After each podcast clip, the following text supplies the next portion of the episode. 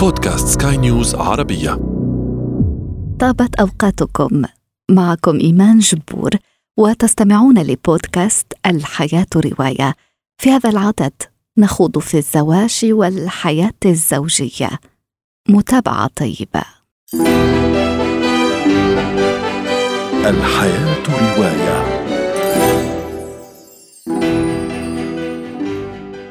أخبرني مارك توين أن أحد أصدقائنا قد تزوج بالأمس فأخبرته أنه يستحق الزواج لم أكن أطيقه. يقول جو برنارد شو أبدع كثير من الأدباء والفلاسفة في تقديم وجهات نظرهم عن الزواج.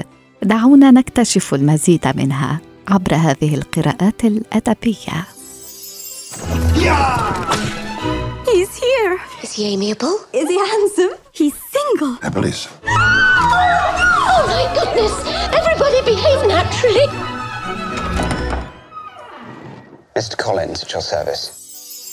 هجاء بديع للمجتمع الإنجليزي Pride and Prejudice عندما تطوي آخر صفحات هذه الرواية ينتابك إحساس بالضياع كيف تترك مستر دارسي وليزي بينيت ومستر بينغلي وجين سأترك القصة جانبا. كثر يعرفونها لأن هذه التحفة الأدبية تحظى بشعبية كبيرة.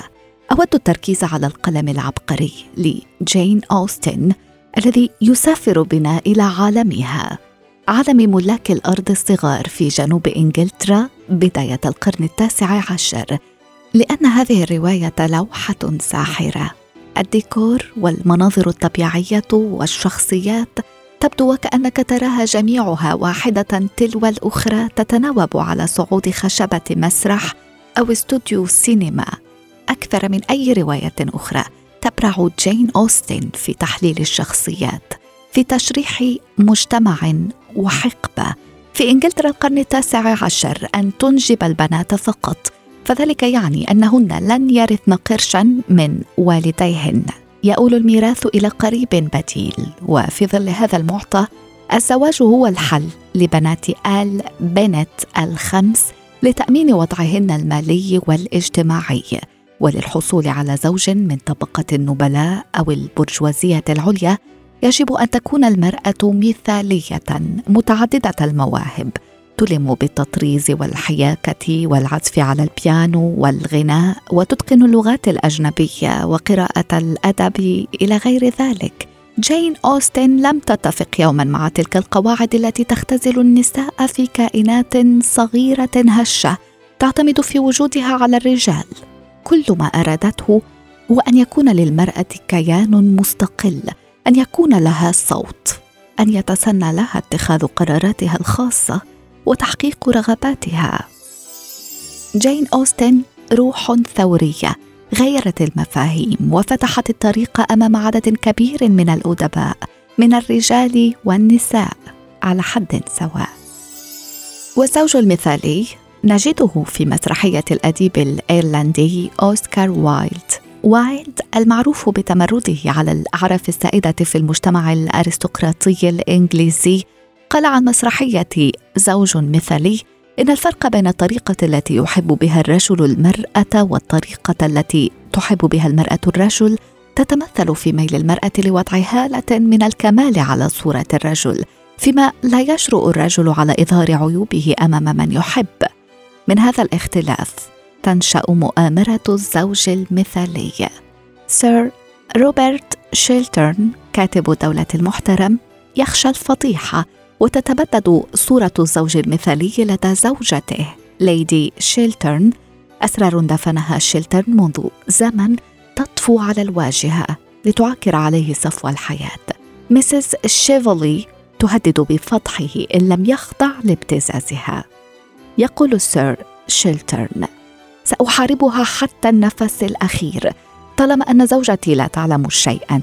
أما إذا عرفت زوجتي السر فلن يكون هناك سبب أحارب من أجله وتعرف ليدي شيلترن أن ثروة زوجها لم تتحقق بطرق شريفة تنهار ثقتها به بشكل كامل وتنهار كذلك سعادتها الزوجية غير أن الأزمة تجد طريقها إلى الخلاص في نهاية المطاف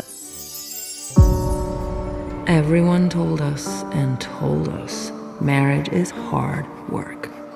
Not for me and Nick. As you all know, my wife, Amy Elliott Dunn, disappeared three days ago. I had nothing to do with the disappearance of my wife. I have nothing to hide. فيما تفكر كيف تشعر من أنت ماذا فعلنا لبعضنا البعض ما الذي ينتظرنا هناك الكثير من الأسئلة التي كما أظن ترخي بظلالها على جميع الزيجات مثل غيوم مهددة أقرأ لكم من رواية جون جيرل للروائيه الأمريكية جيليان فلين برعه عميقة في سرد الحياة الزوجية وتقلباتها.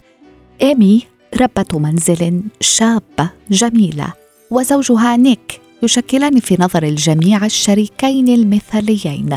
قبل عامين غادرا نيويورك للانتقال إلى بلدة صغيرة على ضفاف نهر الميسيسيبي حيث نشأ نيك في الذكرى السنوية الخامسة لزواجهما يكتشف نيك لدى عودته إلى المنزل فوضى عارمة.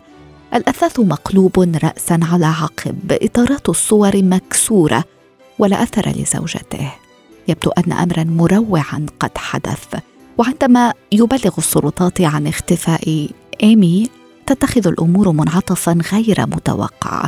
كل سر صغير كل خيانة اقترفها نيك تبدأ بالتشكل تحت أعين الشرطة وسرعان ما يصبح نيك المشتبه به المثالي بينما يحاول الأخير يائسا العثور على إيمي يكتشف أنها كانت أيضا تخفي اشياء كثيرة. زواج إيمي ونيك لم يكن مثاليا في نهاية المطاف لكن نيك لا يزال بعيدا عن إدراك فداحة الوهم. الحياة رواية. وأشكركم على طيب إصغائكم. لقاؤنا يتجدد في عدد مقبل. دمتم بخير.